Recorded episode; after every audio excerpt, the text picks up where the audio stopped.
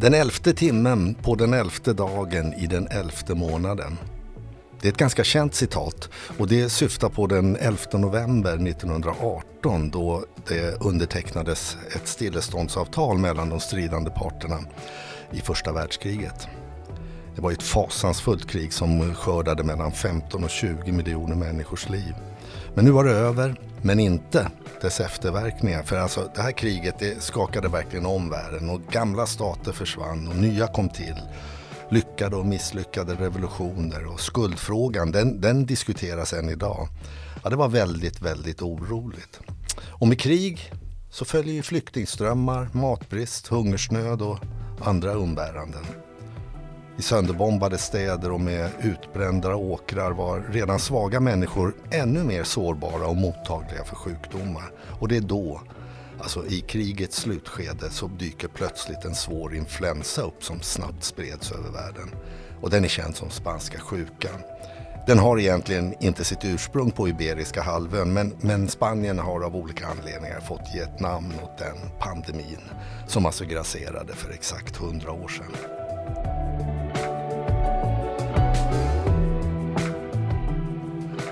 Ja, välkomna till Riksrådsmuseets podd. Jag heter Kalle Örsan och ska berätta lite mer om spanska sjukan och framförallt dess följdverkningar på den svenska idrotten.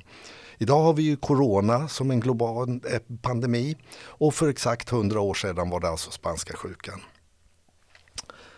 Det började med en vanlig hosta och feber som, som övergick i muskelvärk och febern steg och kraftiga svettningar tilltog. Och till slut så var patienten så svag och utmärglad att, att hon gav upp andan. Mellan mars 1918 och juni 1920 så lär över 500 miljoner människor ha smittats av spanska sjukan världen över. Och av dessa fick närmare 50 miljoner sätta livet till. Det är en otrolig mängd. I Sverige rapporterades det första fallet sommaren 1918 och Medicinalstyrelsen som var den ansvariga myndigheten rapporterade i slutet av juli månad att influensan visserligen var ganska utbredd men citat i det stora hela av mild natur. Ja, så sa man. Men redan i augusti accelererade antalet smittade med oroväckande fart och under hösten och vintern 1918 anmälde sig hundratusentals människor sjuka. Det verkliga antalet smittade var säkert mycket större. Och efter att den sista vågen slagit till på våren 1920 så kunde man konstatera att den här farsoten som drabbade landet hade krävt närmare 40 000 svenskars liv. Och under hela den här tiden låg ansvariga myndigheter lågt med åtgärder och inga specifika restriktioner infördes. Och det kan man ju undra vad det här berodde på. Men man måste komma ihåg här att i regeringen så var man fullt upptagen med kriget. Det var ju inne i sitt, i sitt slutskede. Och då under hösten 1918 så var det liksom oroligt på de i de stora städerna och på Stockholms gator samlades hungriga folkmassor till demonstrationer. Det var matbrist och revolutionsstämning och mycket handlade om rösträtten där, där starka krafter i, i, i riksdag och regeringen stod emot den allmänna och lika rösträtten medan andra eh, försökte införa det och till slut så eh, den 17 december så beslutade riksdagen om allmän och lika rösträtt. Och ute i landet så hade det skett en tågolycka i Getå som var väldigt omtalad. Och på Vättern så hade ångaren Per Brahe sjunkit och där var bland annat den kända konstnären John Bauer med sin familj med.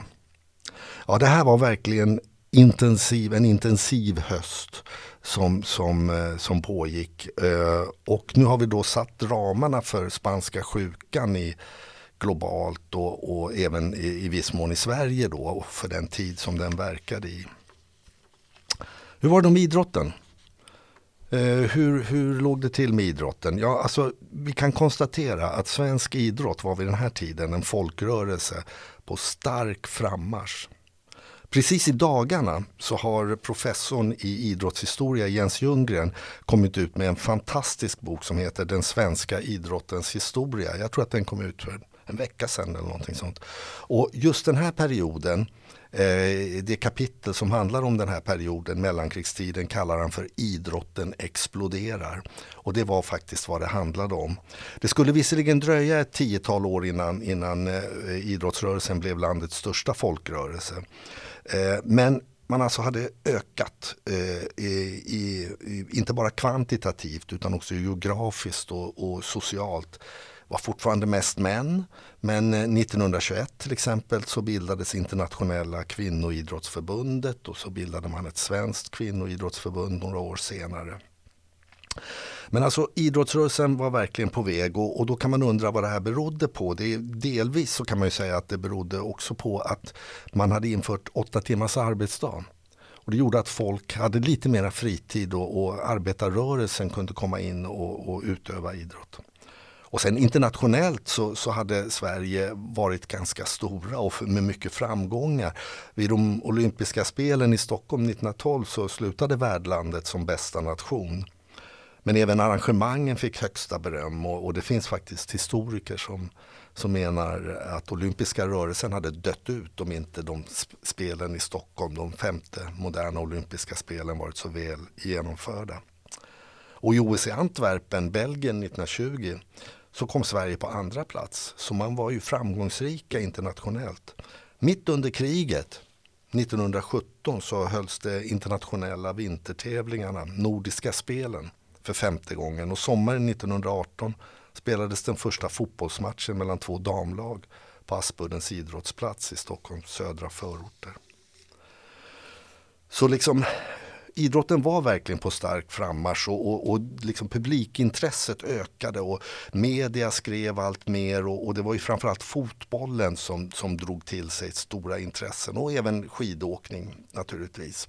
Men inom fotbollen så hade man ju problem med publiken som emellanåt betedde sig hotfullt och kastade sten och sånt där. Och det var, det var huliganism redan på den tiden faktiskt och oerhört mycket alkohol som flödade. Så man hade också problem inom idrottsrörelsen. Men det där är liksom lite grann hur, hur det såg ut åren precis efter kriget i, i, den svenska idrotten. Och den spanska sjukan som då kommer då alltså sommaren 1918 kan ju inte ha gått idrottsrörelsen förbi. Det är klart att, att det här stora antalet döda som jag nämnde förut, 40-50 000 i Sverige, måste även ha påverkat idrottssverige. Eh, och, och rimligtvis så borde idrottsledare och föreningar ha diskuterat den här svåra pandemin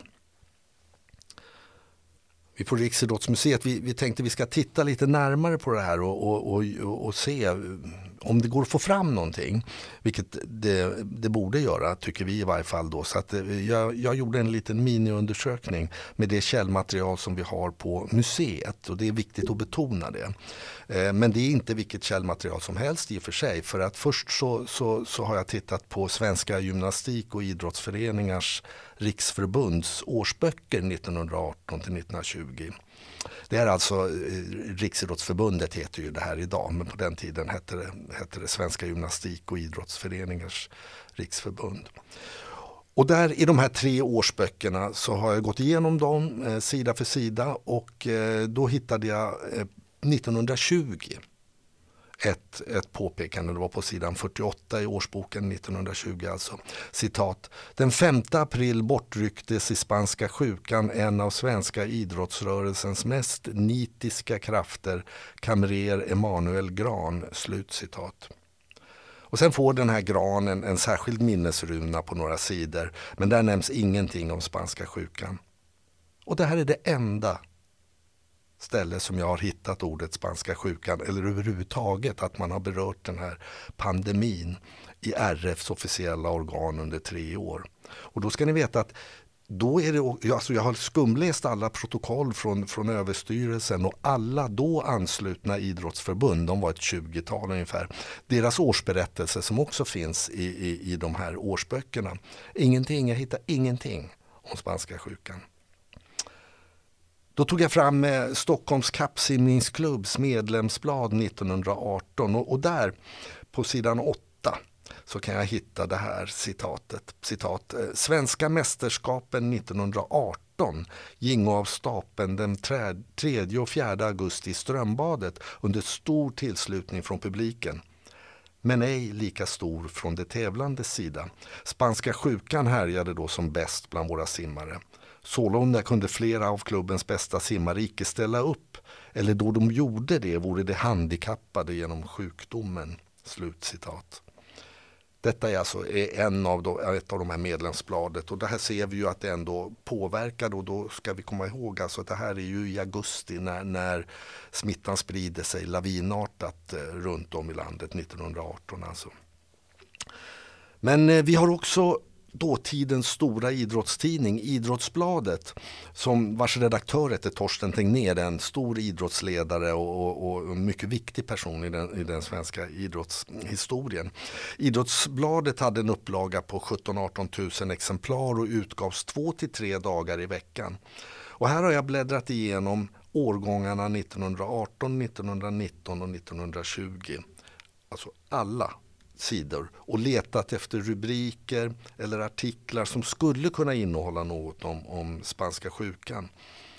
Idrottsbladet är en ganska stor tidning och det, de, de, de här luntorna som vi har de är väldigt tunga kan jag faktiskt säga. Den är stor, den är säkert en, en halv meter hög sådär, den där, och, och en 30-40 centimeter bred. Sådär. Så det är väldigt, väldigt mycket text i den här. Men jag har som sagt skumläst och tittat efter rubriker och i 1918 i sista julinumret så finns det en rubrik som heter Spanska sjukan. Och den fortsätter så här, citat. Spanska sjukan och allsköns otyg härjar bland idrottsmännen. Topsy Lindblom hade flugan. Sandström likaså. Körling lindrigt. Slut citat.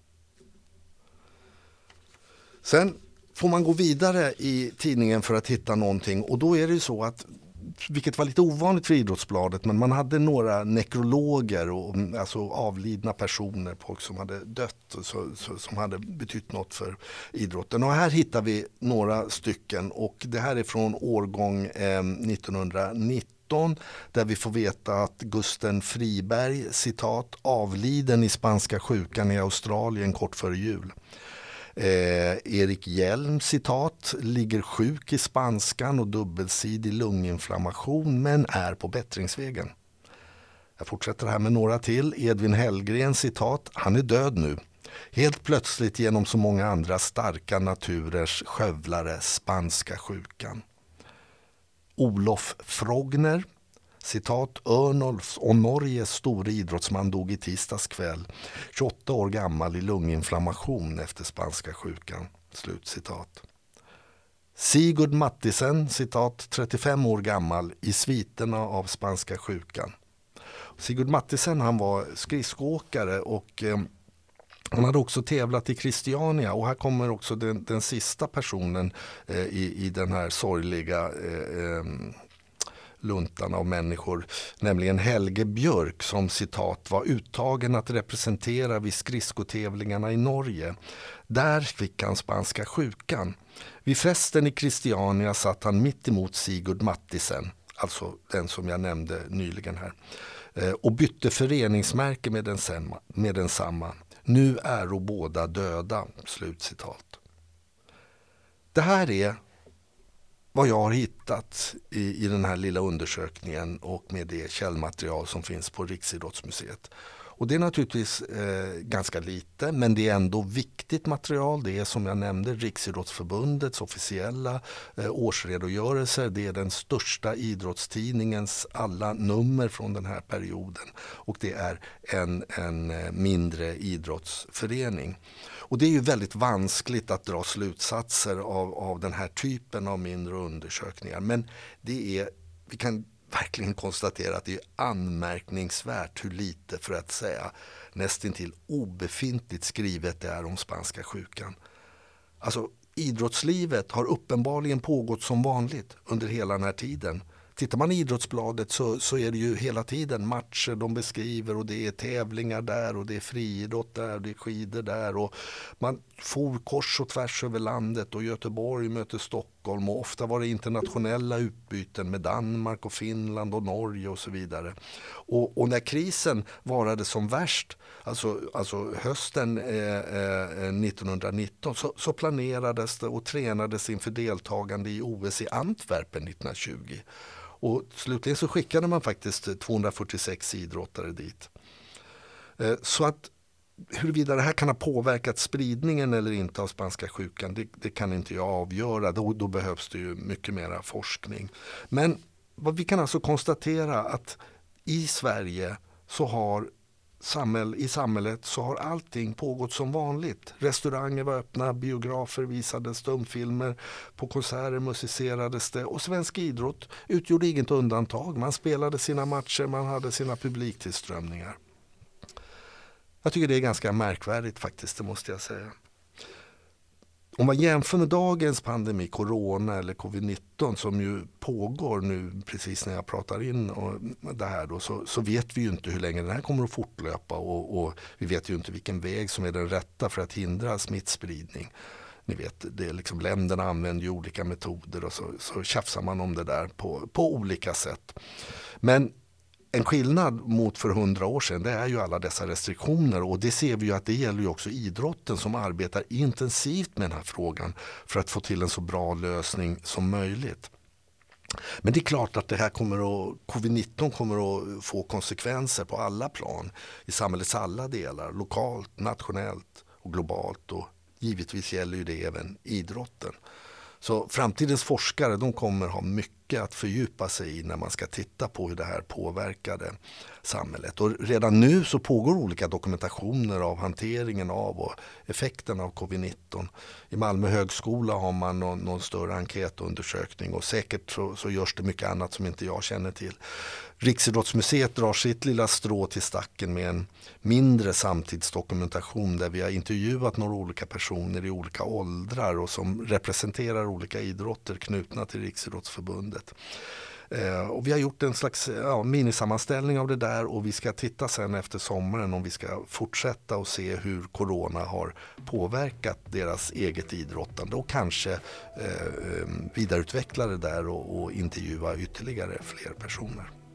Med detta avslutas alltså Riksidrottsmuseets eh, första podd och jag hoppas att eh, ni tycker att det här har varit intressant och, och, om du uppskattade det här du hörde så får du naturligtvis gärna kommentera det på Facebook eh, eh till oss. det med stor sannolikhet så kommer vi att fortsätta att göra några, några poddar till under, under hösten efter, efter semestrarna. så tack för mig så länge. Hej då!